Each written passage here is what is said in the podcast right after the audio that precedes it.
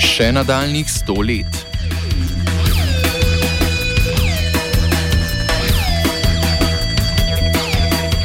Grška vlada je včeraj zjutraj po več ur dolgi razpravi z Mednarodnim denarnim skladom in predstavniki držav članic Evropske unije sklenila dogovor o sprostitvi posojila okoli 7 milijard evrov.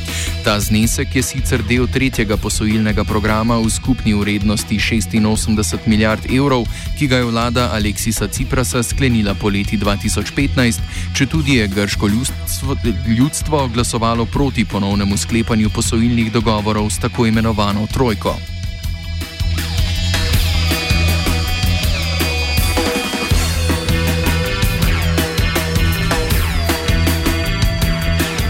Zadnji paket posojil je grška vlada sprejela, ker v začetku julija zapadajo poplačila dolgov v vrednosti 7,5 milijarde evrov, torej gre v znesek sedanjega posojila v poravnavo starih terjatov. Za sprejem tega posojila je grška vlada po šestih mesecih pogajanj z upniki pristala na nadaljevanje vrčevalnih ukrepov z nekaterimi novimi določili, ki niso bila definirana v posojilnem programu sklenjenem leta 2015. Dva izmed pomembnejših ukrepov sta na zadnje rezanje pokojnin v, evropski, v skupni vrednosti 18 odstotkov po letu 2019 ter znižanje praga za poplačilo dohodnine. Prav tako se sprošča trg za prodajo zdravil, grški delavci pa bodo ponovem lahko prisiljeni delati tudi ob nedeljah. Podrobnejši pregled ukrepov predstavi Mihajl Argrijev z Univerze v Cardiffu. Well, um, the main elements of this agreement, which has been called an interim agreement by a number of EU politicians and officials, are the following. To start with, there is going to be a reduction in Greek pensions. This is not the first reduction in Greek pensions. However, it appears to be one of the largest, or probably the largest, during the implementation of financial adjustment programs. That's the first one. Approximately 10 to 20 percent of Greek pensions will be eliminated as a result of this agreement. A second important element of the agreement is the fact that the threshold of income on which no taxation is applied has been reduced substantially from approximately 9,000 euros. This will go down to approximately 5,500. So this is a very substantial reduction, the threshold on which taxation will be implemented. These are the two main points of the agreement, and they both refer to fiscal policy. Uh, they are an effort to increase the sustainability of Greek public finances. Now, on top of this, we also have a number of measures which refer to the operation of markets in Greece. One of these measures is the opening of some markets to more competition. For example, the uh, pharmaceutical sector is going to be overhauled. Until now, certain pharmaceutical products could not be sold in other outlets rather than pharmacies. This is not going to be the case now. In addition, the opening hours of shops have been extended significantly to cover Sundays, which generally speaking was not the case up to now. This opening will not apply to the whole of the year, but approximately 30 Sundays of the year will now be open to business.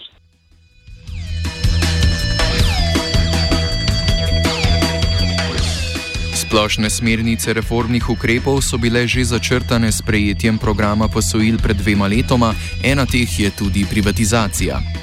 Januarja letos je Grčija prodala upravljavca svojih železnic za borih 45 milijonov evrov italijanskim državnim železnicam. V zadnjem dogovoru pa se je vlada ponovno zavezala k privatizaciji državnih energetskih podjetij. Konkretno naj bi tako na dražbo dali termoelektrarne in premogovnike, ki, ki morajo zajemati vsaj 40 odstotkov skupne vrednosti energetske infrastrukture, ki je v lasti državnega podjetja Javna energija.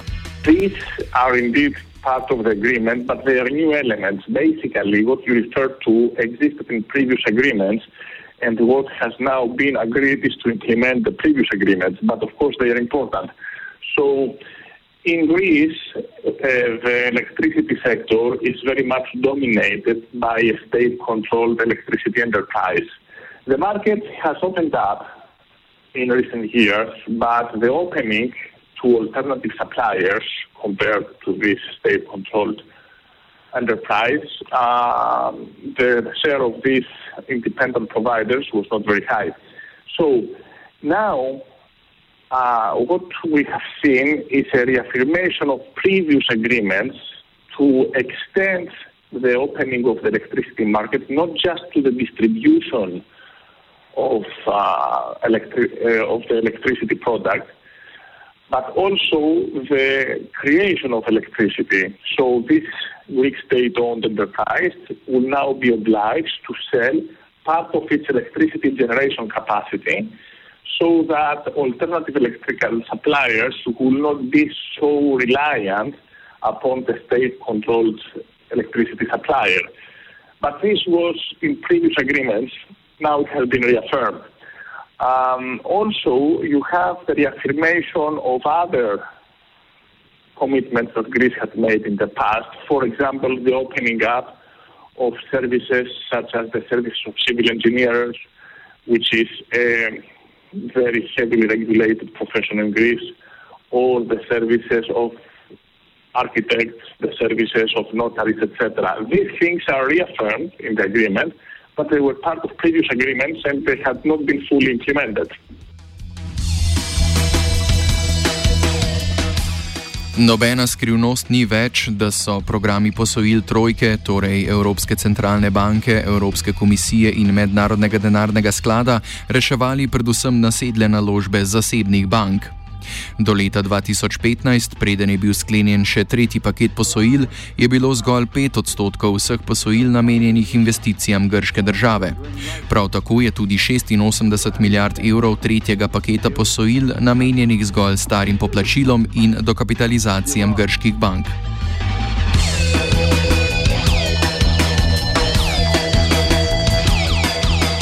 Po poročanju Reutersa je v osnutku programa Mednarodnega denarnega sklada za Grčijo pričakovan presežek sredstev v proračunu za naslednje leto 2,2 odstotka bruto domačega proizvoda.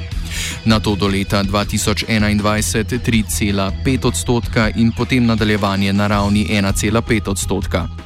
Nasprotno naj bi predstavniki držav članic na čelu z Nemčijo zahtevali, da raven proračunskega presežka ostane na ravni 3,5 odstotka BDP. Obe številki seveda predvidevata nadaljevanje izpolnjevanja vrčevalnih ukrepov in poplačila obresti. Kakšna je torej logika za obema ocenama?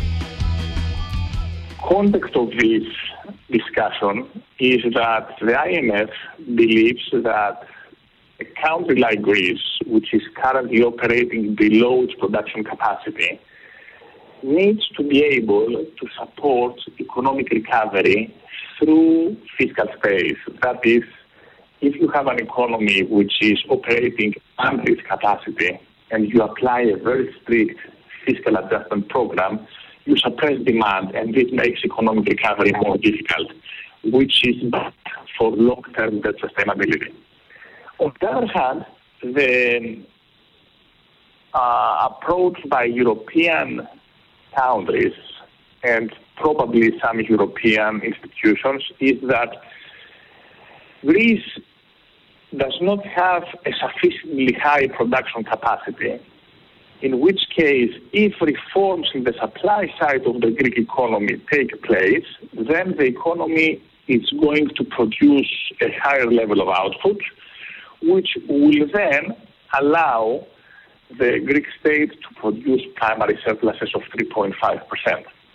But is 3.5% primary surplus a reasonable target? Well, the historical experience shows that this is a very demanding target. Previous academic research has shown that surpluses of 3.5% occur approximately one in every 20 observations. So 3.5% is a pretty demanding target, and it becomes even more demanding if you want this to be repeated for a period of years consecutively. And it becomes even more demanding if you consider that Greece does not have monetary policy of its own because it is part of the euro, and also if you consider that the Greek economy is operating under its capacity.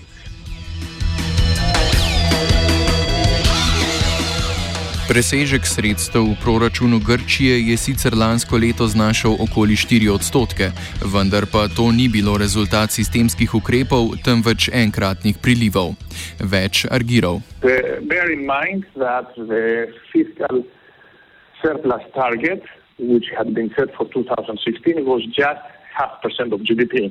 So the target was half percent, and Greece achieved almost 4 percent. Well, at first sight, you may say that this is very good news. You might say that Greece overperformed and this is very good. And indeed, when you overperform targets, this is something that markets like. But when you start looking closely as to how Greece achieved this surplus, you will start feeling less enthusiastic about it. Let me explain. To start with, there is an element of uh, revenues. This came both from revenues as well as from expenditure, but mainly from revenues. And some of those revenues uh, cannot be relied to be repeated in the future. So what I have in mind here basically is that the Greek state benefited a lot from the profits the Bank of Greece made, uh, which you cannot rely. You know, the Bank of Greece is operating uh, in international financial markets. Last year, the Bank of Greece did very well on those trades, and they generated a lot of uh, revenues. Great, but you cannot rely that this will be happening every year. Also, Greece had high revenues from the return of profits on Greek bonds, which were held by the European Central Bank, and also Greece had high, the Greek state had high revenues from Greek commercial banks which were financed through the emergency lending assistance. So these are things that we cannot rely upon that will be renewed in the future. V oči pa bode dejstvo, da je zahtevani presežek strani upnikov preteklo leto znašal nič cela pet odstotka BDP.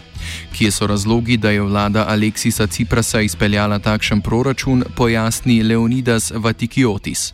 Uh, it's, it's very simple because of the dramatic uh, cuts in social spending, in every kind of uh, social spending. Uh, I, I, must tell you that uh, on 2016 uh, the extreme poverty in Greece reached 30.6% when before the crisis on 2009 it was only 2.2% you can understand that uh, during this year uh, the extreme poverty uh, has been multiplied by six times.